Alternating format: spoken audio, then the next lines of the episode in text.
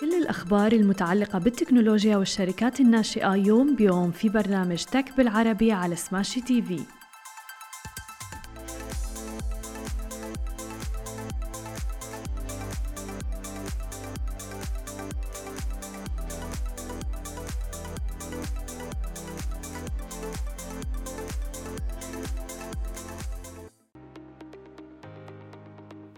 صباح الخير. عناوين اليوم الكويت تسحب المنتجات الهندية من الأسواق بعد التغريدة المسيئة للرسول.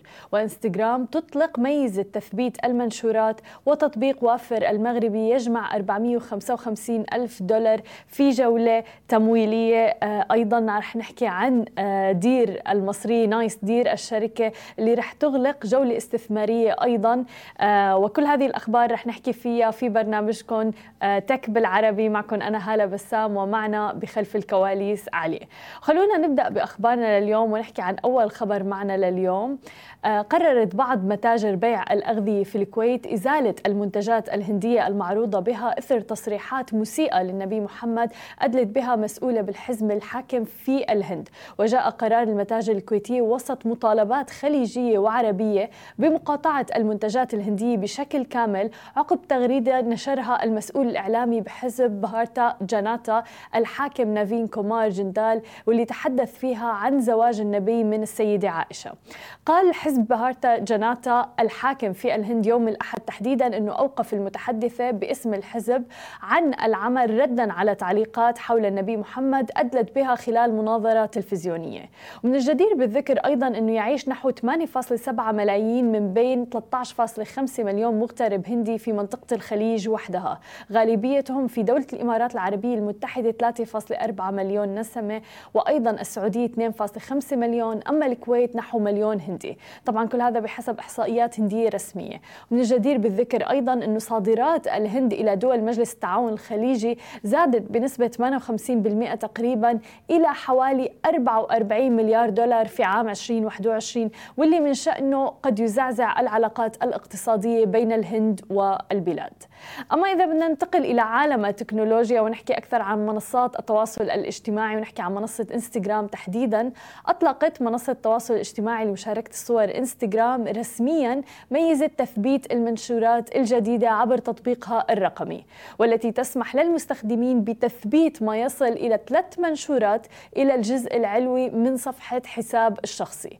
وبيتضمن ذلك الصور مقاطع الفيديو وأيضا الريلز. وقالت منصة الصور في مدونة أنه الميزة الجديدة رح تمنح المبدعين مزيدا من المرونة للتعبير عن أنفسهم في حساباتهم الشخصية. وكانت إنستغرام قد اختبرت الميزة في أبريل الماضي لعدد محدود من المستخدمين.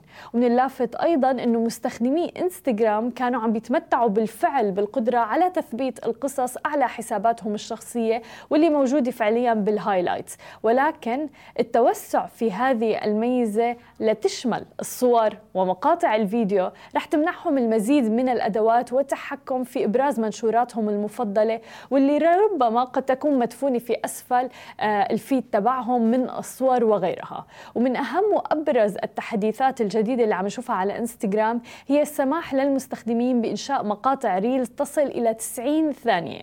وذلك بعد اختبار المقاطع الطويلة أيضا مع مستخدمين محددين على مدار الأشهر القليلة الماضية. كما أضافت أيضا المنصة ميزة إضافة تعليق أو أصوات في الخلفية من أي مقطع فيديو آخر مدته خمس ثواني على الأقل.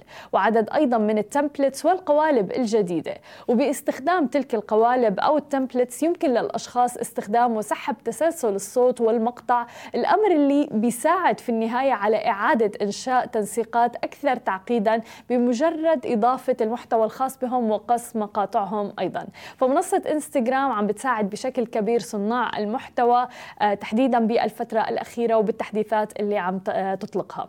أما إذا بننتقل إلى عالم الشركات الناشئة وعن الفندنج جمع الآن تطبيق وافر المغربي مبلغ 455 ألف دولار أمريكي في جولة استثمارية بقيادة Launch Africa Ventures. وبالإضافة إلى ذلك كانت واللي شاركت بالقيادة لهذه الجولة الاستثمارية First Circle Capital وأيضا على العديد من آه، المستثمرين الآخرين.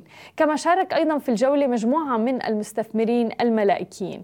وبتعتبر هذه الجولة الثالثة اللي بتغلقها الشركة منذ مطلع العام الجاري ليصل مجموع التمويل اللي حظيت عليه متضمنا أيضا الجولة الأخيرة إلى 1 مليون دولار أمريكي تقريبا فيما وصل تقييمها إلى 9 ملايين دولار أمريكي. ومثل ما عم نشوف أيضا عم تسعى الشركة الناشئة إلى توظيف الاستثمار الأخير في استقطاب مزيدا من الكفاءات علاوة أيضا على خطتها لرفع شبكة محلات التجزئة اللي بتغطيها من 10,000 متجر إلى 50,000 متجر تقريبا. وتأسس تطبيق وافر للتسويق الإلكتروني في المغرب عام 2021 تحديدا عن طريق إسماعيل بركاج لتقديم حلول ولاء أثناء التسوق لتعزز من تجربة المستهلكين وتخدم محلات بيع التجزئة والبقالة في توجيه خيارات التسوق نحو علامات تجارية معينة. وكذلك أيضا مساعدة المستهلك في اقتناص الفرص للتخفيضات على كم واسع من المنتجات اللي بتوفرها المتاجر المحلية. أما إذا بدنا ننتقل إلى آخر خبر معنا لليوم ونحكي أيضا عن الشركات الناشئة والاستثمارات. أغلقت الآن شركة Nice Deer المصرية جولة استثمارية pre-seed بقيمة مليون دولار أمريكي أيضا بقيادة DisrupTech Venture وعم بتوفر الشركة خدماتها في مضمار التأمين الصحي للمنشآت والشركات الصغيرة والمتوسطة في جمهورية مصر.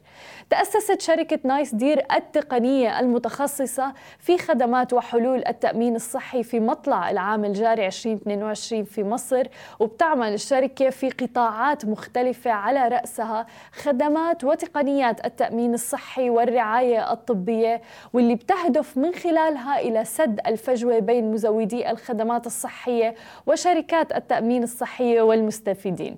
كل هذا عبر تسهيل سبل التأمين وسداد التعويضات المترتبة على كل منها هذه كانت كل أخبارنا الصباحية لليوم. ما تنسوا تتابعونا على كل مواقع التواصل الاجتماعي الخاصة ب Smashi TV. تسمعوا البودكاست تبعنا وتنزلوا ال application. نهاركم سعيد جميعاً.